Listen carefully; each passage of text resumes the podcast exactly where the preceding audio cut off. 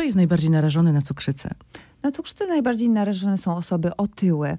To jest jedna z chorób dietozależnych. Choro osoby z chorobami układu krążenia, z zaburzeniami gospodarki libidowej, mało aktywne, mało ruszające się, a więc prowadzące siedzący tryb życia, albo osoby, które mają po prostu cukrzycę w rodzinie. E, ktoś choruje, warto się popytać e, swoich najbliższych i okaże się, że w naszym sąsiedztwie, w naszej własnej rodzinie bardzo dużo e, osób ma tą chorobę. Kobiety czy mężczyźni? Bardziej? Tu nie ma takiej, e, takiego rozgraniczenia płciowego. Ważny jest sposób odżywiania i właśnie nasza aktywność fizyczna. Czym różni się cukrzyca typu pierwszego od tej typu drugiego? Cukrzyca to jest worek schorzeń i między innymi e, wydzielamy sobie typ pierwszy, to jest schorzenie immunologiczne. To jest choroba, w którym nasze własne komórki atakują nasz narząd, w tym przypadku trzustkę. Trzustka jest narządem, który produkuje mnóstwo hormonów, między innymi insulinę. Insulina z kolei wpływa na gospodarkę węglowodanową, czyli cukrową. I jeśli nasze własne komórki e, atakują tą trzustkę, niszczą ją, dochodzi do zniszczenia całkowitego narządu i pojawia się schorzenie, czyli cukrzyca typu pierwszego, a więc schorzenie z autoagresji, tak jak e, na przykład alergie, e, jak astma. Natomiast cukrzyca typu drugiego to jest znowu duża, bardzo pojemne, pojemna definicja. Ona, można w skrócie powiedzieć, że związana jest właśnie z otyłością. Tutaj trzustka pracuje prawidłowo, wydziela dużo insuliny, ale ta funkcja insuliny nie do końca jest prawidłowa. Ona ma nie działa dobrze, dlatego że przeszkadzają tkanka tłuszczowa, przeszkadzają mięśnie słabo rozwinięte. Słowem, trzustka pracuje dobrze, ale insulina nie funkcjonuje tak jak trzeba. A jak sprawdzić, e, czy jesteśmy zagrożeni cukrzycą? Zagrożenie cukrzycą to przede wszystkim to, co mówiłam wcześniej, e, nasz wywiad rodzinny, e, czyli czy mamy w, w rodzinie kogoś chorego na cukrzycę czy prowadzimy aktywny tryb życia, czy nie, czy się zdrowo odżywiamy i dochodzimy do wagi, czy mamy prawidłową masę ciała, czyli już w momencie, jak mamy nadwagę albo otyłość któregoś stopnia, e, to już jesteśmy osobami z grupy ryzyka cukrzycy. Dalej, wszystkie schorzenia kardiologiczne, a więc nadciśnienie, choroby krążenia, choroby serca, już osoba jest z grupy ryzyka cukrzycy. Schorzenia, zaburzenia lipidowe, gospodarki lipidowej, to także e, czynniki ryzyka e, rozwoju cukrzycy w przyszłości.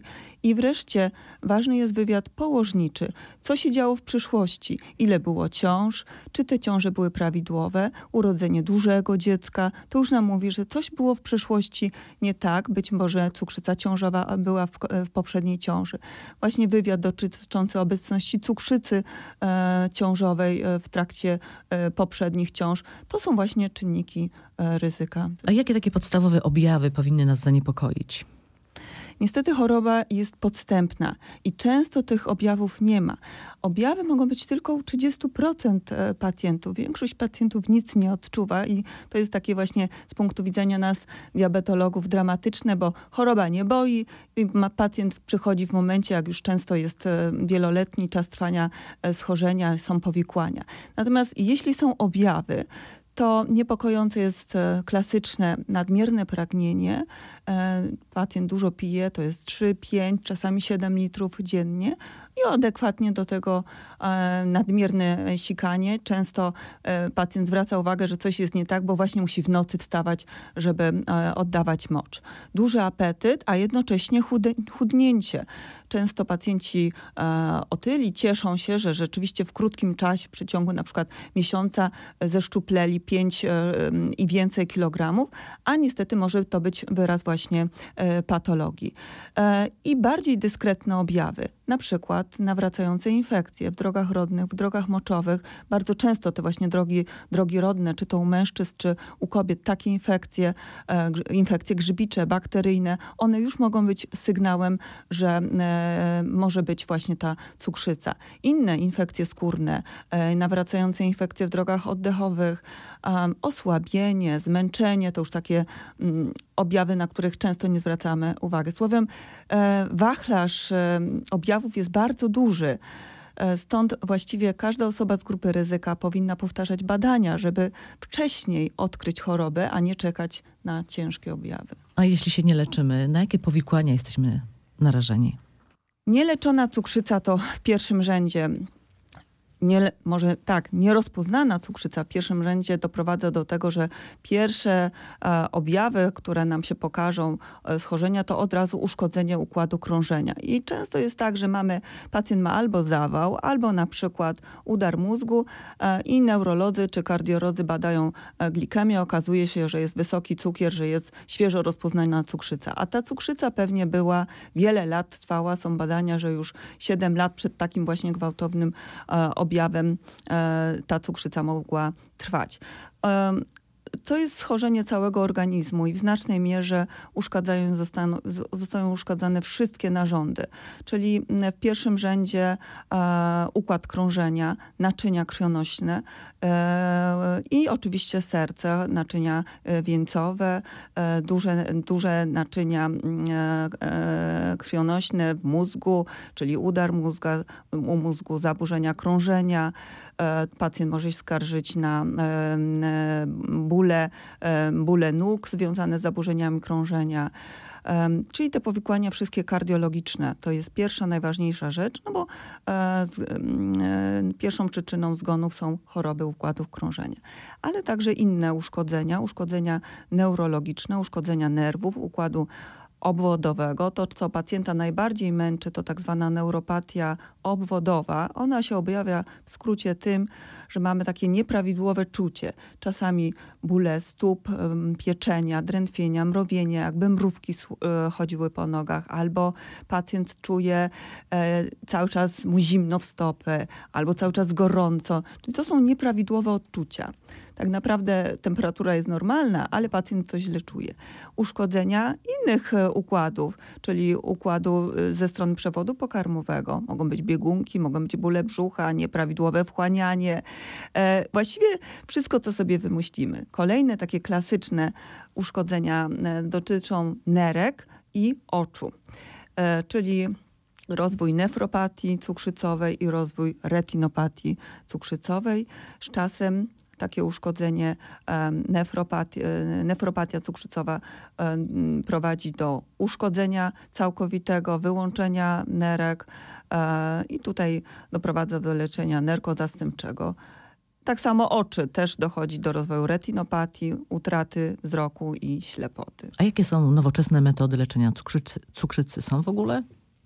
Nowoczesne metody to przede wszystkim e, musimy rozgraniczyć, jaki mamy typ cukrzycy, bo te właśnie nowoczesne metody będą z tym związane.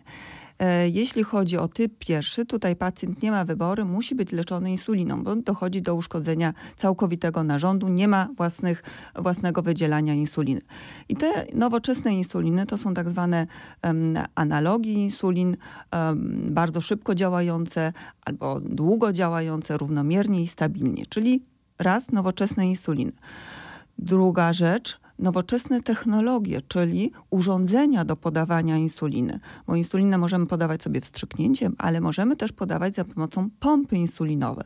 I to jest olbrzymi postęp w leczeniu cukrzycy, olbrzymi komfort, wygoda dla pacjentów. E, nie musi się pacjent kuć wielokrotnie, tylko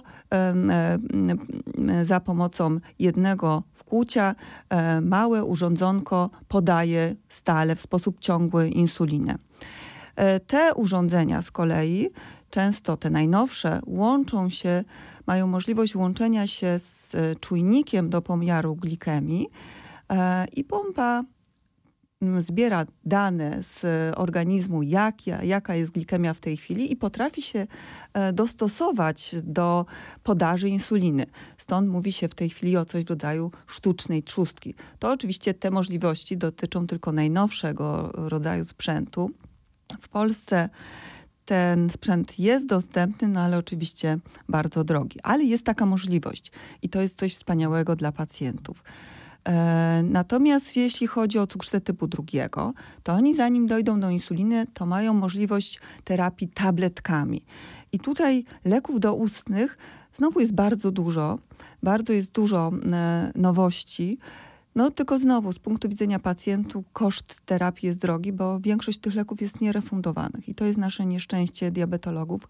Mamy dużo możliwości, dużo leków, ale nie możemy zaoferować pacjentowi, no bo trudno płacić y, non-stop, stale, bo to jest choroba przewlekła, na zawsze y, płacić y, dużo pieniędzy za, za leki. Ale zawsze nam pozostaje, aby oczywiście nie nabawić się tej choroby, zdrowa dieta. Zdrowa dieta i e, aktywność fizyczna. Te Właśnie. dwie rzeczy muszą być połączone razem. E, aktywność fizyczna powinna być wstawiona w nasze życie. To jest nasza codzienność. E, I zawsze powinniśmy pamiętać o tym, że oprócz zdrowego odżywiania trzeba się ruszyć po prostu.